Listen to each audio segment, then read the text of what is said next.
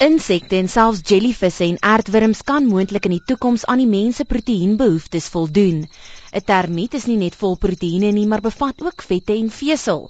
'n Ekoloog, David Peppler, sê met oorbevolking, besoedeling, natuurlike habitatvernietiging en klimaatsverandering gaan daar bloot nie plek wees om beeste, skape en hoenders aan te hou nie. Dit kos proteïene om proteïene te maak. Hoe eenvoudiger die dier, met ander woorde as jy afbeweeg in die voedselketting, soos byvoorbeeld 'n insek in vergelyking met 'n bees, is sy vermoë om aanwas, met ander woorde proteïene te maak in sy eie liggaam, baie baie beter. Ons kan met 'n aardwurm of 'n slakblaas kan ons baie meer doeltreffend proteïene produseer as met 'n beesblaas.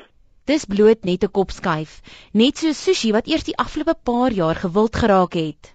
Die enigste probleem is ont daar is 'n emosionele deurbraak wat jy moet maak. In die ooste eet hulle byna enige ding. As jy dan vir iemand uh, in in in op die VLV uh, eh, bazaar in Kanaal 'n spulparas op die bord sit, gaan die tannies dan hardloop. Gevolglik ons moet kopskuive maak om ons voor te berei om nuwe goed te eet. Peppler sê hy het al baie insekte geëet, maar dat hy net nie 'n vat kan kry in mopani wurms en sprinkane nie.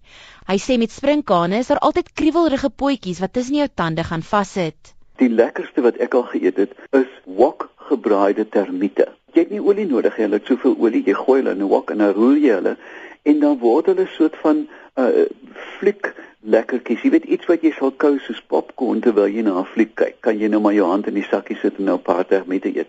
Insekte is egter nie in Suid-Afrika maklik bekombaar nie. Nesvleis moet dit by geakkrediteerde handelaars gekoop word en 'n gradering kry.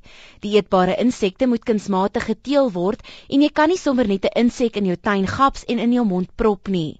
Ek dink dit sou sekerlik die domste ding op aarde wees. Daar is insekte wat fabelagtig giftig is. Uh, die Spaans vliee byvoorbeeld bevat alkaloïde.